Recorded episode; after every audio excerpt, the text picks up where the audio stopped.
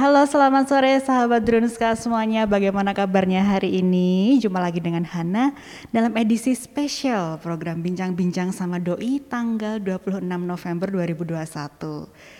Nah menjelang akhir pekan ini, Hana mengajak sahabat Drunska semua untuk nyore nih, tumben banget bincang-bincang sama doi tayang di sore hari.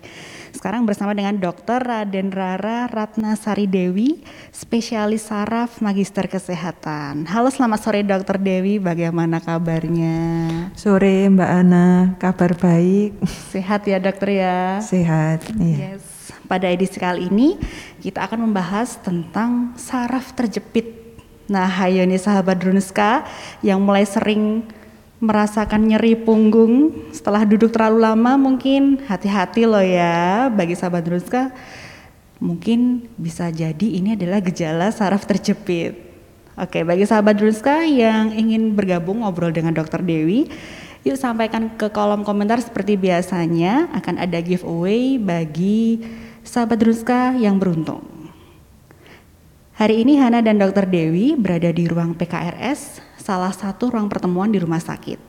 Nah, meskipun di dalam ruangan kami tetap menerapkan protokol kesehatan untuk mencegah transmisi COVID-19 yang hingga hari ini meskipun kasusnya turun tapi masih harus kita waspadai. Sahabat Ruska juga harus tetap menerapkan protokol kesehatan loh ya. Oke Dokter Dewi, kita langsung saja ke tema utama yaitu saraf terjepit. Dok, ini Mungkin banyak sahabat Drunska yang can relate, banyak yang relate. Jadi mungkin secara umum bisa dijelaskan dokter saraf terjepit itu apa sih? Oke, sebelumnya saya mengucapkan selamat sore kepada semua yang uh, sudah meluangkan waktunya untuk menonton, untuk nonton uh, Insta Live ini. Uh, jadi ini Uh, pertama saya akan tayangkan gambar gambar satu. Iya. Jadi ini adalah uh, sebelumnya nih saya akan tayangkan ini adalah gambar ilustrasi. Ini ya, gambar ilustrasi orang yang nyeri punggung bawah. Uh, orang yang nyeri punggung bawah. Hmm. Kemudian gambar tiga, iya.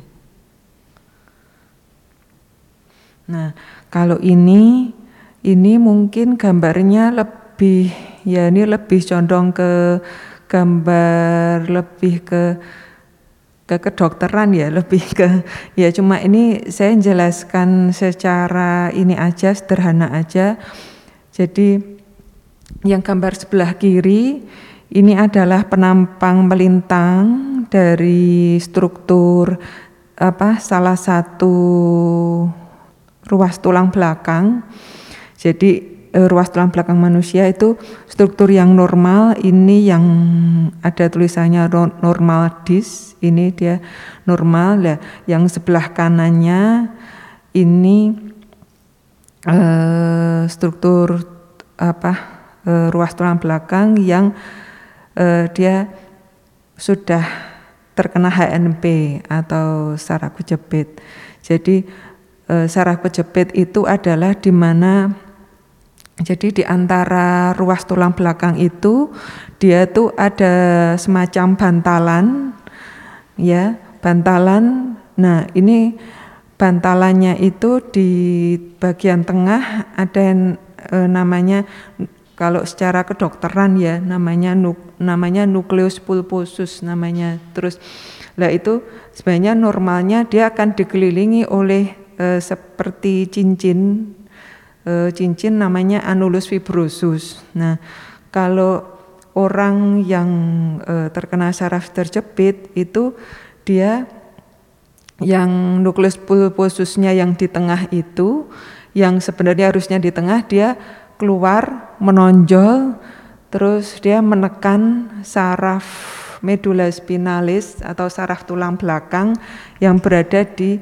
eh, arah yang di belakang dari itu, dari apa dari ini, dari anulus dari nukleus pulposus dan anulus fibrosusnya. Jadi dia nekan ke arah belakang, nekan saraf tulang belakangnya itu. Nah, terus itu yang namanya itu saraf terjepit itu. Di bagian tubuh mana aja sih dok saraf itu ada potensi buat terjepit gitu dok? Iya, jadi eh, gambar nomor dua ya.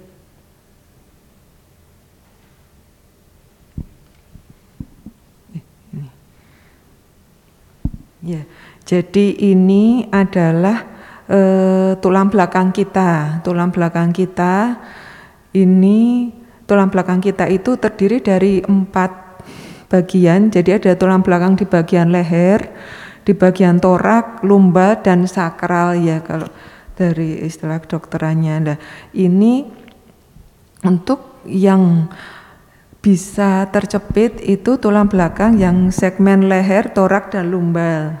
Mbak Ana, cuma kalau yang paling sering itu dari selama ini selama saya praktek ini ya Pak kasus pasien dan dari kasus pasien yang umumnya itu paling sering itu di lumbal.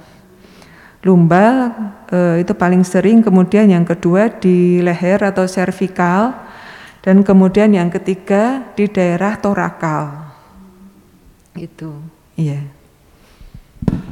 Itu penyebabnya apa sih dok kalau saraf terjepit secara umum atau awam gitu ya? Mungkin karena aktivitas yang berlebihan. Hana juga sering dengar kalau kita kebanyakan duduk itu bisa berpotensi juga sih dok untuk menyebabkan saraf terjepit gitu dok. Kalau penyebabnya biasanya kalau untuk yang lumbal dulu ya karena penyebabnya ini beda-beda. Kalau yang paling sering kan yang lumbal sama yang leher. Kalau yang lumbal itu penyebabnya paling sering karena yang pertama eh, sering mengangkat beban berat. Ya, orang sering mengangkat beban berat itu penyebab yang pertama. Terus yang kedua eh, orang sering jatuh terduduk itu itu penyebab kedua. Terus yang ketiga itu karena mengalami trauma. Jadi misalnya apa eh, kena pukulan apa gitu dari belakang itu. Terus tapi paling yang kasusnya kalau yang di poli itu paling sering karena itu sering mengangkat berat sama sering jatuh, sering sering jatuh baik itu sering jatuh ke duduk apa sering kepleset itu bisa. Yang di lumba kalau yang di servikal itu eh, penyebabnya paling sering karena eh, salah posisi, salah posisi. Jadi misalnya eh, orang sering tidur dengan bantal yang tinggi, terus orang sering nonton TV sambil tiduran. Itu kan sebenarnya posisinya enak ya, kalau sering nonton TV sama tiduran itu rata-rata kan orang kebanyakan kalau udah istirahat itu kan nonton TV sama tiduran itu. Terus tapi itu kalau sering dilakukan itu lama-lama dia bisa berefek ke itu saraf terjepit. Terus orang sering tidur tidur di sofa. Jadi badannya di di sofa cuma e, kepalanya di bantalan yang untuk tangan itu itu kan jaraknya terlalu tinggi ya itu juga bisa menyebabkan itu. Kalau kebiasaan seperti menggerakkan leher kadang kan kalau capek itu kadang suka otomatis gini-gini gitu loh dok. Itu bisa berpengaruh nggak dok ke saraf terjepit? Iya, itu memang sering ya orang kadang kalau malah orang biasanya lebih mantap kalau sampai bunyi. Ya, sampai ya. Kluk, kluk, kluk, gitu sampai iya sampai bunyi. Iya, betul. Padahal itu sebenarnya kalau secara medis itu enggak enggak enggak diperbolehkan gitu, iya. Karena ya itu tadi karena di dalam tulang belakang leher ini kan di dalamnya ada sarafnya. Takutnya kan kalau dia gerakan yang terlalu ekstrim kan takutnya kalau terus iya kena sarafnya itu, iya. Ini sudah ada beberapa pertanyaan dari sahabat Drunska, dok kita bacain satu-satu ya dok ya. Oh iya. Oke. Yang pertama dari Francisca Evodia, Dokter Dewi saya mau share. Suami saya usia 30 tahun, 12 tahun yang lalu mengalami kecelakaan. sehingga kaki kiri tidak bisa ditekuk. Kemudian satu terakhir satu tahun terakhir ini mengeluh pinggang sampai tulang ekor terasa sakit dan tertarik-tarik rasanya. Mau jalan itu sudah mau jalan aja nggak kuat kalau kumat. Kalau kumat angkat kaki kiri sudah nggak bisa. Gitu. Itu apakah mengarah ke gejala saraf terjepit dok? Dia anu kecelakaannya 12 12 tahun yang lalu, cuman tahun rasanya satu tahun belakangan. Hmm.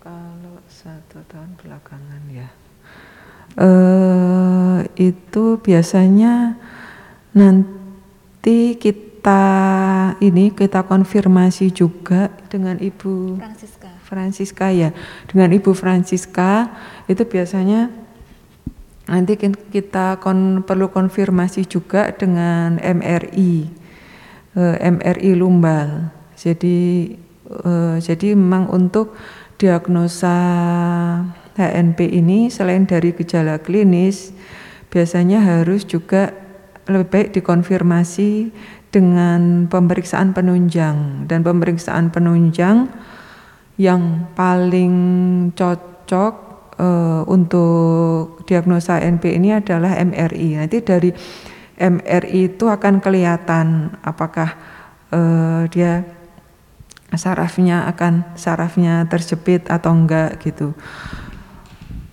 Uh, soalnya kalau apa namanya selain itu dari uh, bisa juga sih dari pemeriksaan juga um, dan kalau saraf terjepit ini gejalanya paling sering kan itu ada nyerinya ya tadi ya. Nyerinya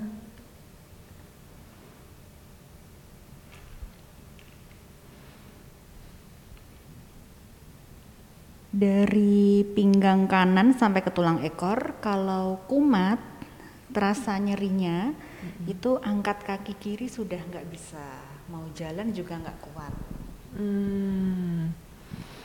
nggak hmm. kuat karena nyerinya ya Hmm, bisa sih, bisa.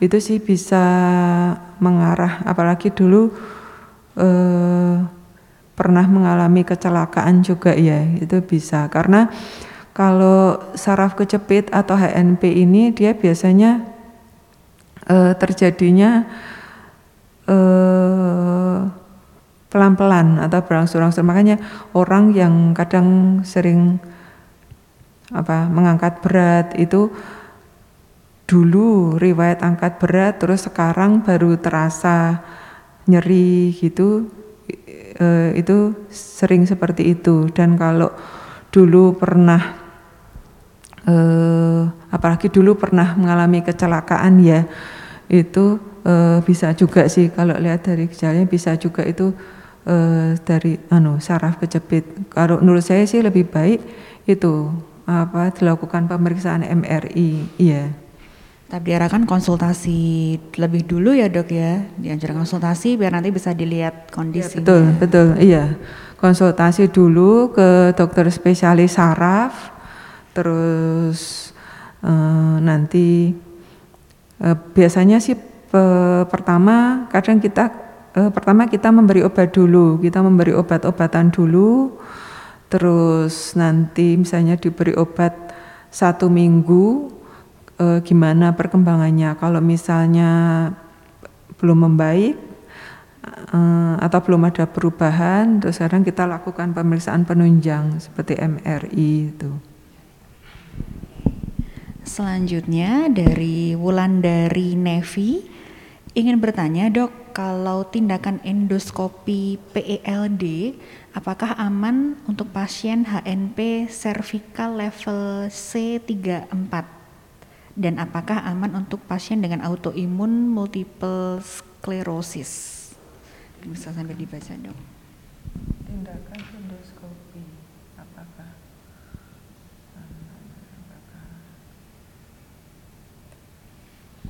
Uh, kalau menurut saya sih nggak uh, apa-apa ya aman ya karena kalau um, endoskopi itu kan dia ini apa e, dimasukin alat kan maksudnya alatnya dari dalam itu ya. Maksudnya kalau sedangkan kalau HNP kan dia di tulang belakangnya apa kelainannya ada di tulang belakang. Menurut saya nggak apa-apa.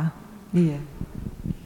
Kemudian eh, apakah usia atau jenis aktivitas itu berpengaruh sih dok terhadap adanya gejala saraf terjepit ini atau adanya kejadian saraf terjepit gini?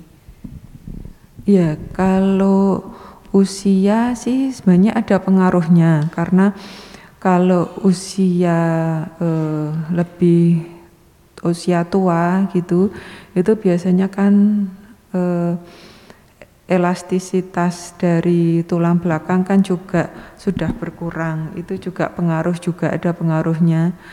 Cuma yang jelas aktivitas. Aktivitas ini eh, pengaruhnya besar, besar sekali. Jadi eh, terutama yaitu tadi seperti sering angkat berat, terus eh, misalnya tadi seperti tadi yang saraf kecepit di leher apa tidur badannya terlalu tinggi apa gimana itu.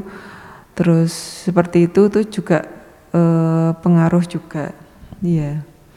Karena sekarang ini juga yang saya jumpai di klinik itu pasien-pasien yang kasus saraf kejepit itu justru nggak nggak selalu yang usia tua gitu.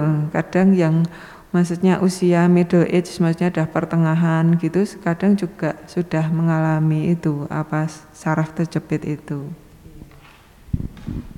untuk gejalanya itu memang mostly nyeri ya dok ya diawali dengan rasa nyeri dulu ya dok ya Iya, umumnya nyeri. Iya. Nyeri kemudian pergerakan yang itu bedanya HNP saraf terjepit dengan low back pain itu apa dok? Uh, kalau low back pain dia biasanya cuma nyerinya cuma di situ aja, maksudnya di punggung bawah. Cuma kalau dia HNP itu biasanya nyerinya ciri khasnya dia menjalar. Jadi namanya kalau istilah kedokterannya radikuler pain. Jadi dia menjalar umumnya dari pinggang atau dari pantat, jalar sampai ke kaki. Jadi sampai ke kaki bagian bawah gitu. Iya, biasanya ciri utamanya Kalau misalnya ada pasien dengan riwayat HNP gitu dok, kan biar tetap fit itu mesti tetap olahraga. Mungkin ada saran dok olahraga yang mungkin harus dibatasi atau olahraga yang dianjurkan gitu dok?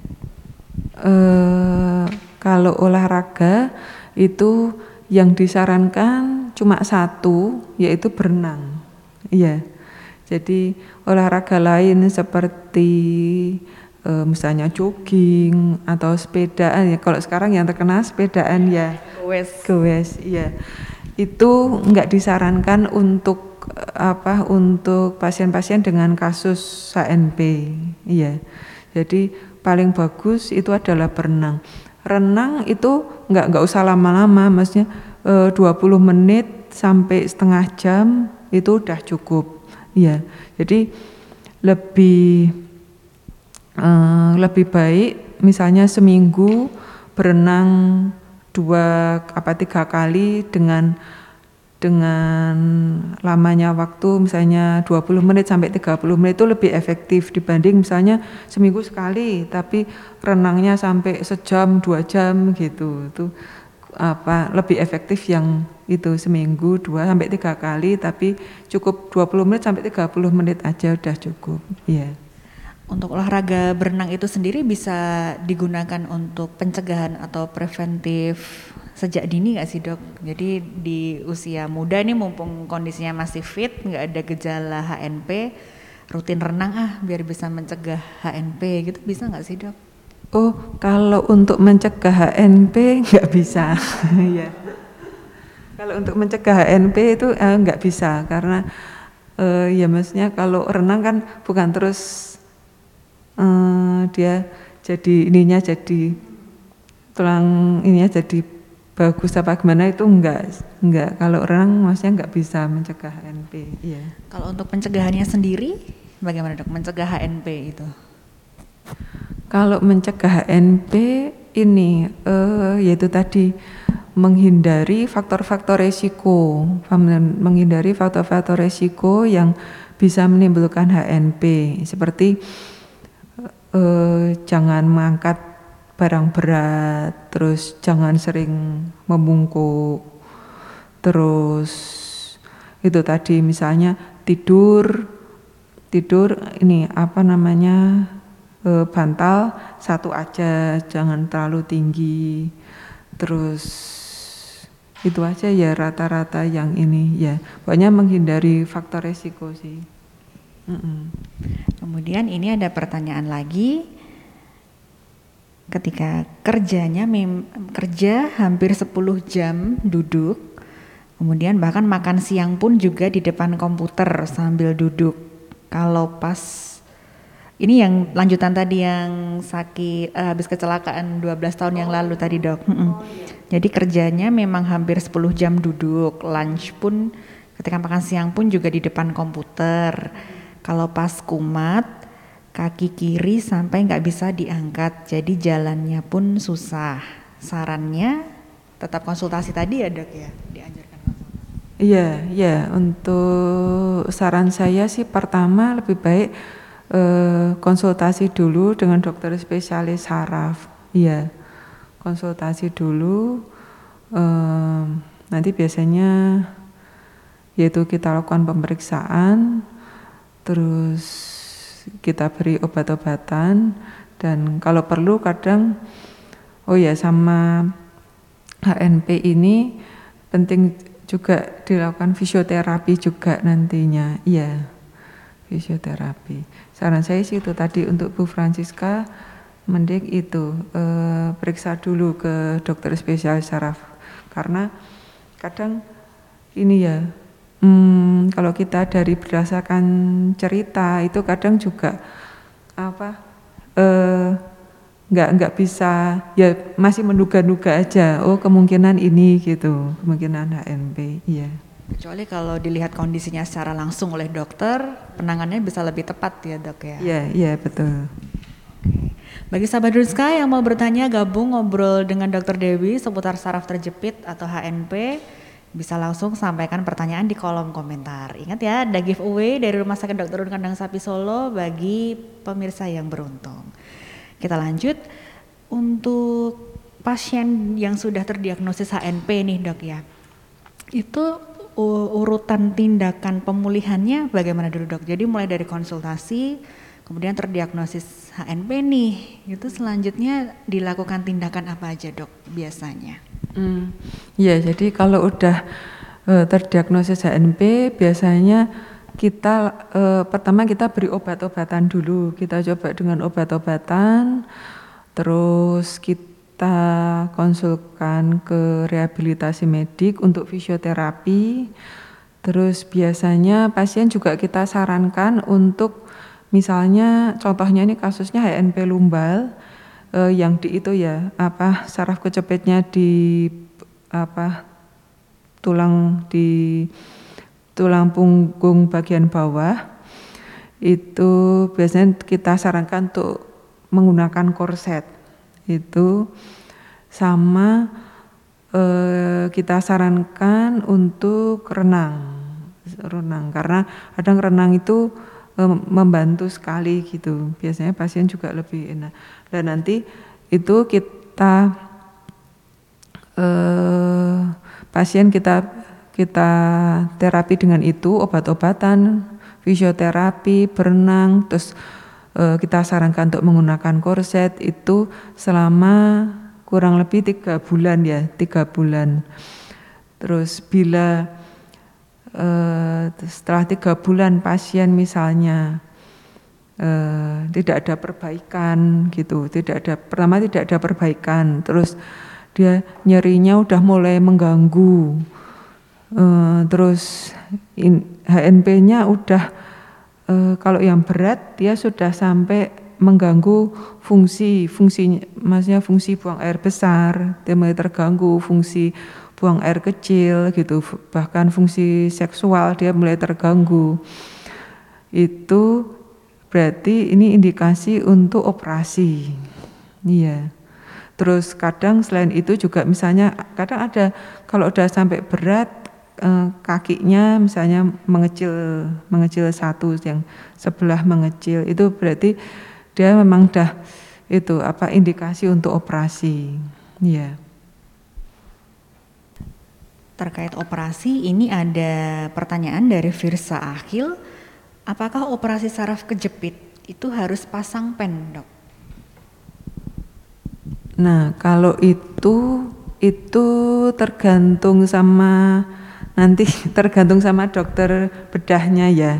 Tergantung sama dokter bedah. Kalau di setahu saya sih kalau di yang bagian bedah untuk saraf terjepit itu bisa dilakukan dokter bedah saraf atau bedah tulang yang khusus konsultan tulang belakang itu.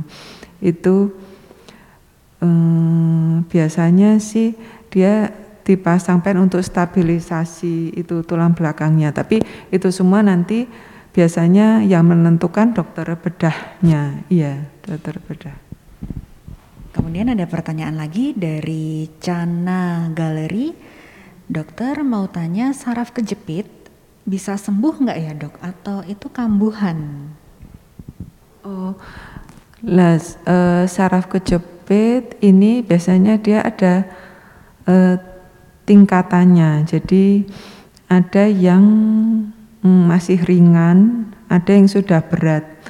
Kalau dia yang masih ringan itu biasanya dia eh, bisa disembuhkan dengan obat itu biasanya dia bisa sembuh.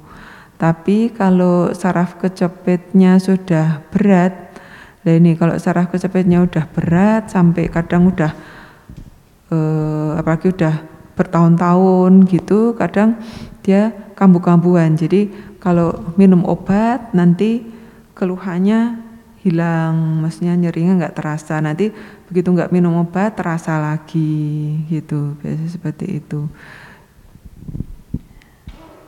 Kalau misalnya kadang kan perempuan ketika udah mendekati jadwal mens gitu ya kadang suka pegel-pegel gitu cuman nyeri pung rata-rata sih merasakan nyeri punggung itu kalau misalnya setiap bulan nyeri punggungnya itu pasti kambuh itu ada saran nggak sih dok apakah jangan-jangan ini ada gejala ke saraf kejepit nih gitu dok eh, ini Berarti waktu menstruasi ya, menjelang menstruasi. Kalau oh menjelang menstruasi terus uh, jadi low back pain. Hmm. Kalau itu itu sih menurut saya kaitannya sama lebih ke hormonal ya, iya lebih ke hormonal. Jadi biasanya dia kalau kambuhnya kalau pas mau mens dia kambuh, terus nanti kalau udah mensnya selesai terus nyerinya juga hilang sama sekali ndak ndak nyeri itu biasanya kaitannya sama hormonal. Iya. Ada lagi pertanyaan dari Firsa Akil lagi jika saraf kejepit tidak segera diatasi apakah benar bisa menimbulkan kelumpuhan dok?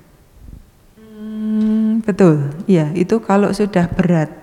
Jadi kalau saraf kejepitnya itu sudah berat dia Eh, bisa menimbulkan kelumpuhan, terus itu tadi bisa menimbulkan kelumpuhan, terus uh, sal, biasanya salah satu uh, tungkai ya, salah satu tungkai kaki itu dia mengecil, terus terus biasanya kadang kalau yang sudah berat sampai disertai gangguan itu tadi gangguan buang air besar, buang air kecil, terus disfungsi seksual itu biasanya sampai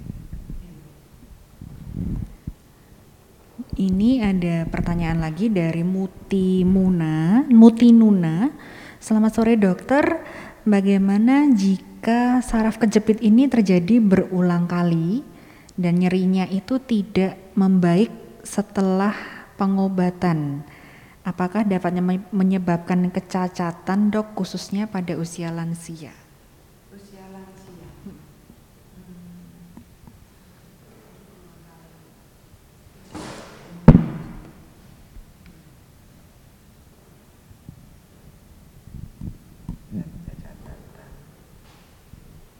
Uh, kalau mungkin berulang kali ini mungkin maksudnya ini ya apa namanya sering kambuh gitu ya kadang nyerinya sering kambuh.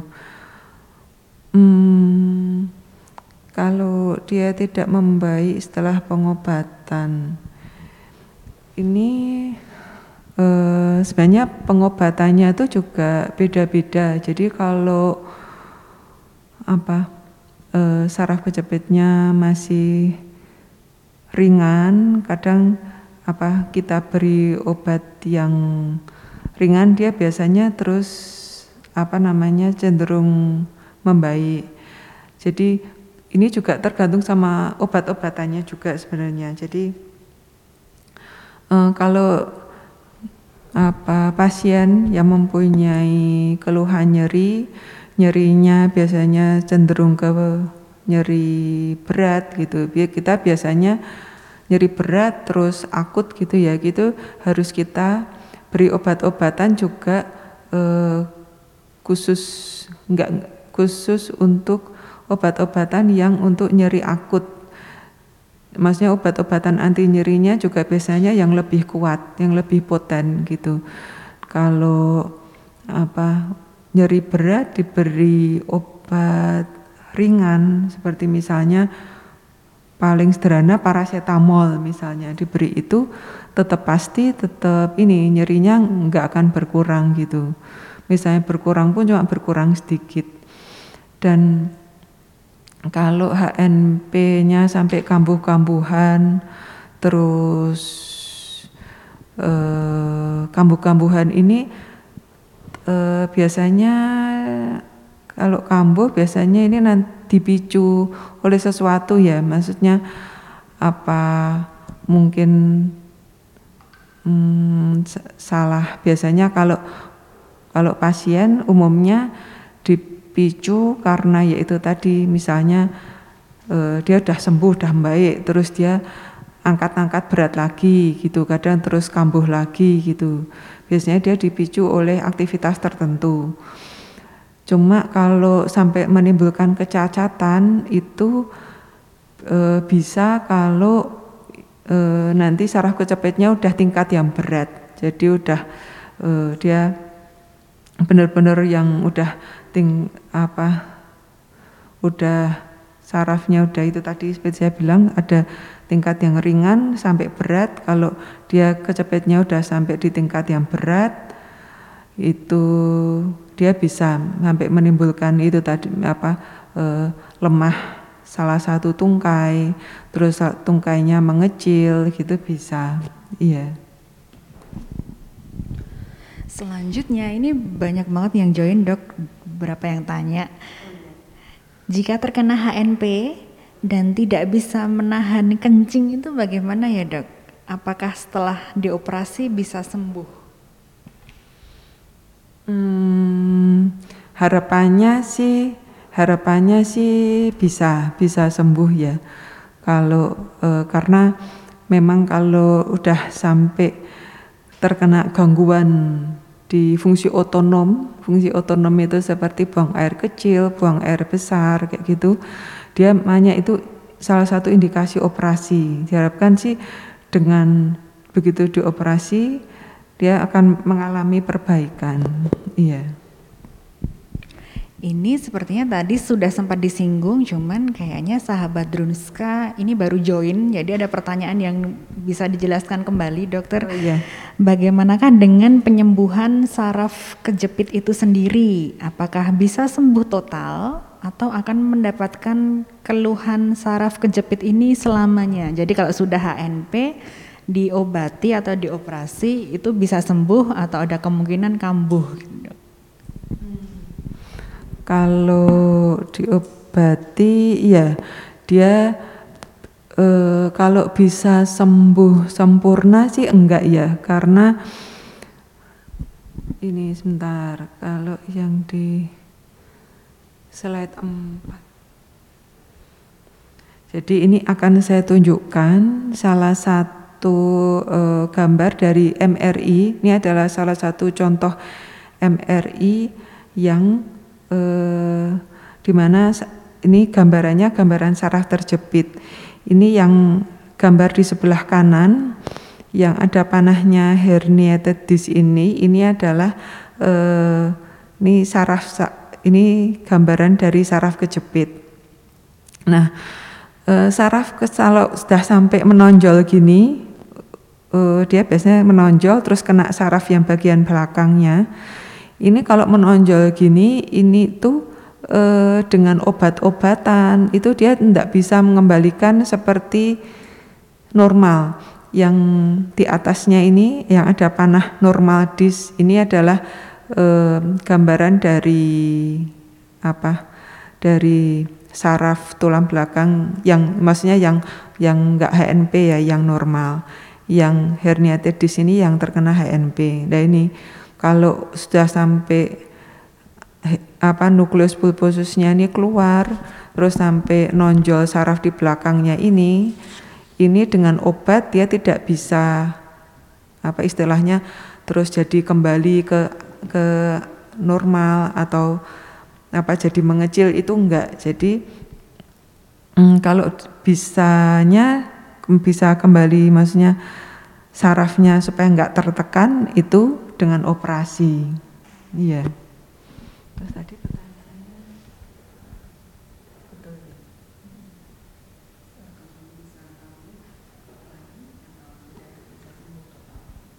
Hmm. Kalau ya kalau sembuh total nggak bisa. Jadi biasanya sih kambuh-kambuhan kalau nyeri karena saraf kejepit ini. Hmm. Selanjutnya tinggi badan Apakah bisa memicu terjadinya saraf kejepit dok? Tinggi badan atau berat badan mungkin?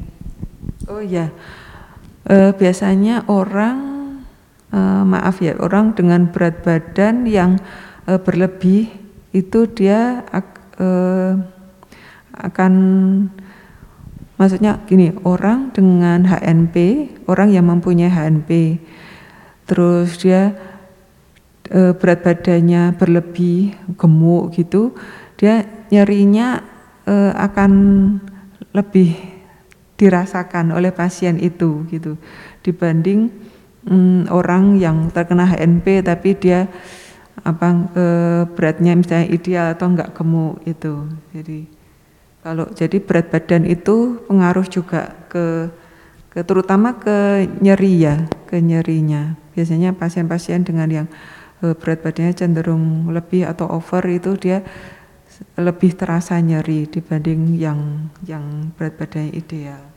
Kalau tinggi badan ada pengaruhnya nggak dok? Uh, kalau tinggi badan enggak, enggak ada. Kemudian apakah saraf kejepit harus dilakukan tindakan operasi terus? Ini mungkin baru baru gabung juga dok Naura Isabelia ini tadi sudah sempat disinggung apakah saraf kejepit harus dioperasi terus? Enggak, enggak, enggak selalu, enggak, enggak selalu harus di, enggak, enggak selalu harus tindakannya berakhir dengan operasi, enggak. Jadi eh, itu tergantung tingkatannya juga. Kalau dia masih ringan, biasanya cenderung bisa diobati.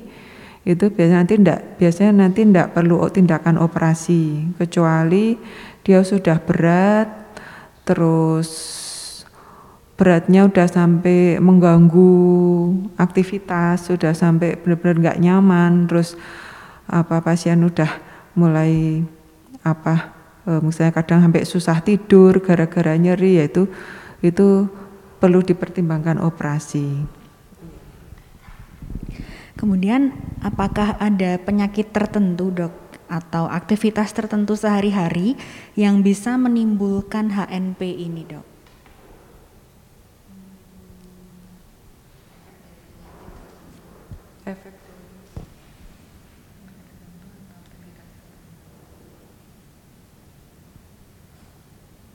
Penyakit tertentu.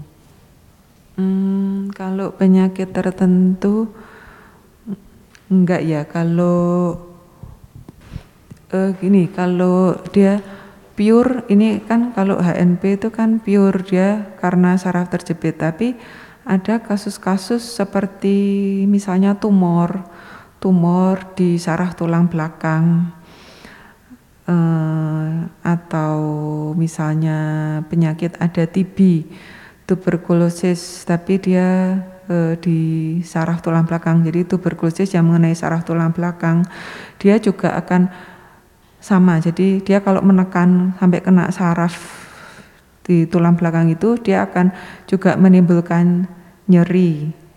Nyeri terus ya mungkin gejalanya mirip dengan HNP itu. Kalau menurut saya sih penyakit-penyakitnya e, seperti itu tumor atau itu biasanya kalau kita spondilitis TB itu jadi itu tuberkulosis tapi enggak mengenai paru tapi mengenai saraf tulang belakang.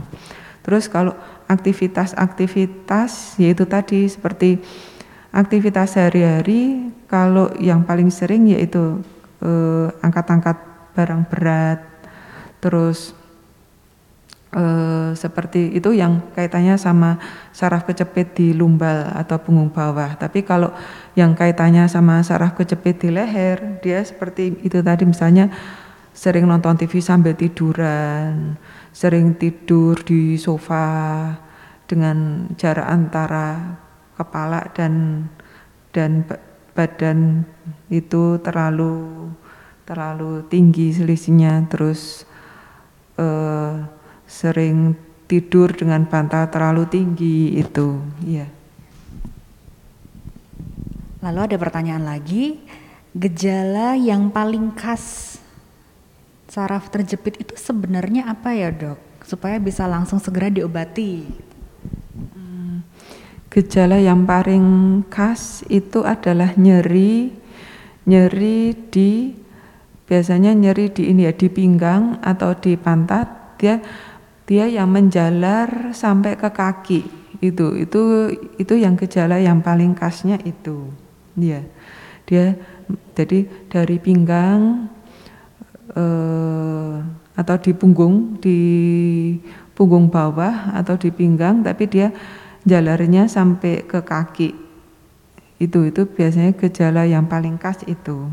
Iya Dok ini Hana penasaran sih dok kadang kalau pagi hari kita mau bangun terus kayak ngolet gitu loh dok.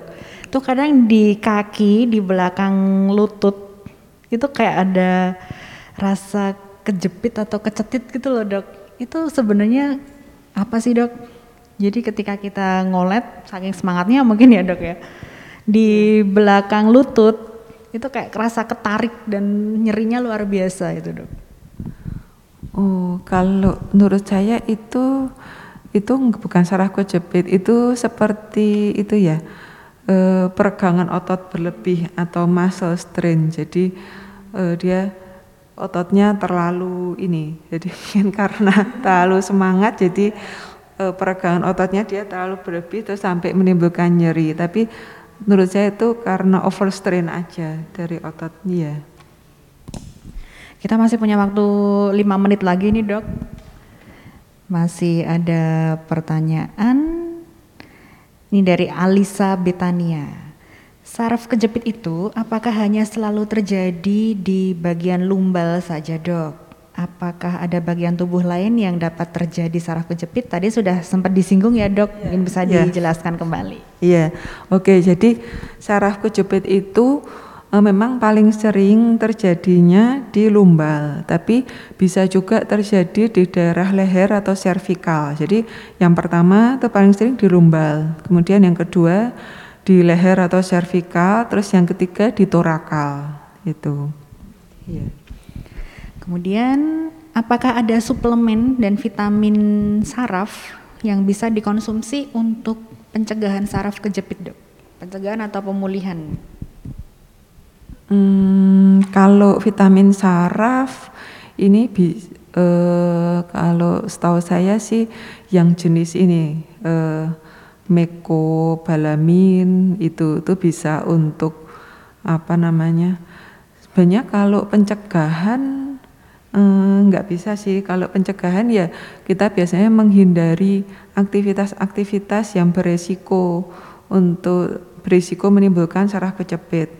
Itu kalau pencegahan, tapi kalau pencegahan dengan vitamin enggak bisa.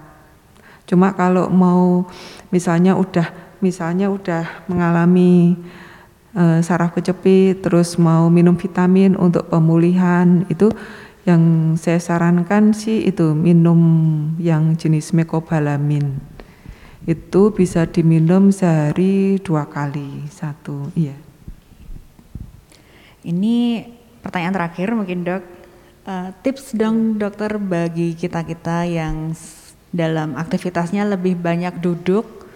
Ini biar mencegah nyeri punggung yang nanti bisa berpotensi ke saraf terjepit yang misalnya kerja sehari 7 jam duduk terus makan juga sambil duduk di depan komputer itu tips untuk menghindari biar tulang belakangnya tetap normal sarafnya juga tetap sehat gitu gimana dok?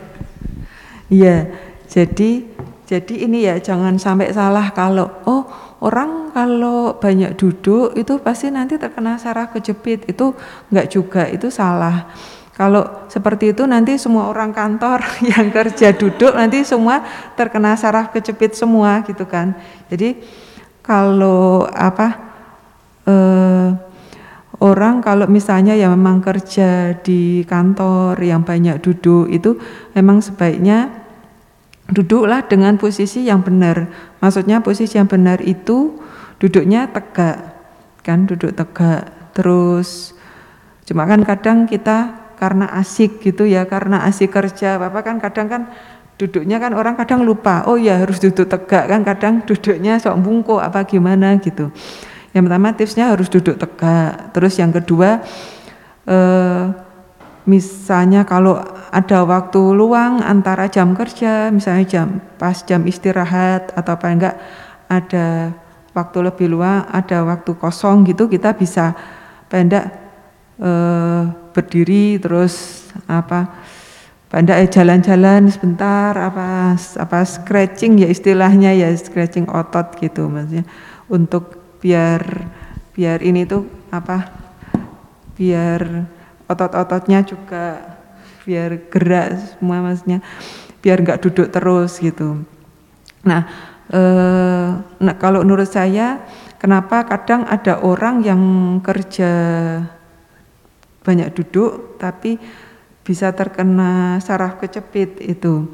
Nah, itu menurut saya pasti ada faktor resiko lain. Orang tersebut punya faktor resiko lain. Misalnya dia selain banyak duduk, dia e, juga kemungkinan mungkin di rumah sering angkat-angkat berat atau dulu pernah mengalami trauma, trauma tulang belakang, entah itu jatuh terduduk misalnya. Jadi bukan kalau secara kejepit bukan karena pure pure karena duduk terus. Kecuali kadang ini ya mungkin kalau apa driver atau sopir itu kan kadang mereka mengemudi terus. Terus kadang kan kalau jalan itu kan kadang kan suka enggak rata kadang itu itu kadang nah itu bisa dia bisa memicu apa saraf kejepit itu aja sih tipsnya iya. jadi rajin-rajin stretching otot ya dok ya iya yes, kalau kalau memang sering duduk lama ya di kantor iya Oke, bagi sahabat Drunska yang hendak konsultasi seputar saraf dengan Dokter Dewi, bisa banget dong ya, Dokter Dewi praktik di klinik spesialis saraf setiap hari Senin sampai Sabtu di Rumah Sakit Dr. Un Kandang Sapi Solo. Untuk mendaftar periksa bisa melalui aplikasi Android Drunska Mobile. Nah, Rumah Sakit Dr. Un Kandang Sapi Solo juga memiliki layanan yang mendukung sahabat Drunska dalam melakukan deteksi atau pemeriksaan terkait keluhan pada bagian saraf tubuh melalui tindakan ronsen, MRI 1,5 Tesla, atau CT scan 128 slices. Sahabat Drunska tidak perlu khawatir datang ke rumah sakit karena Drunska tetap aman. Dokter Dewi nggak kerasa kita udah ngobrol hampir satu jam, banyak banget tadi sahabat Drunska yang join ngobrol.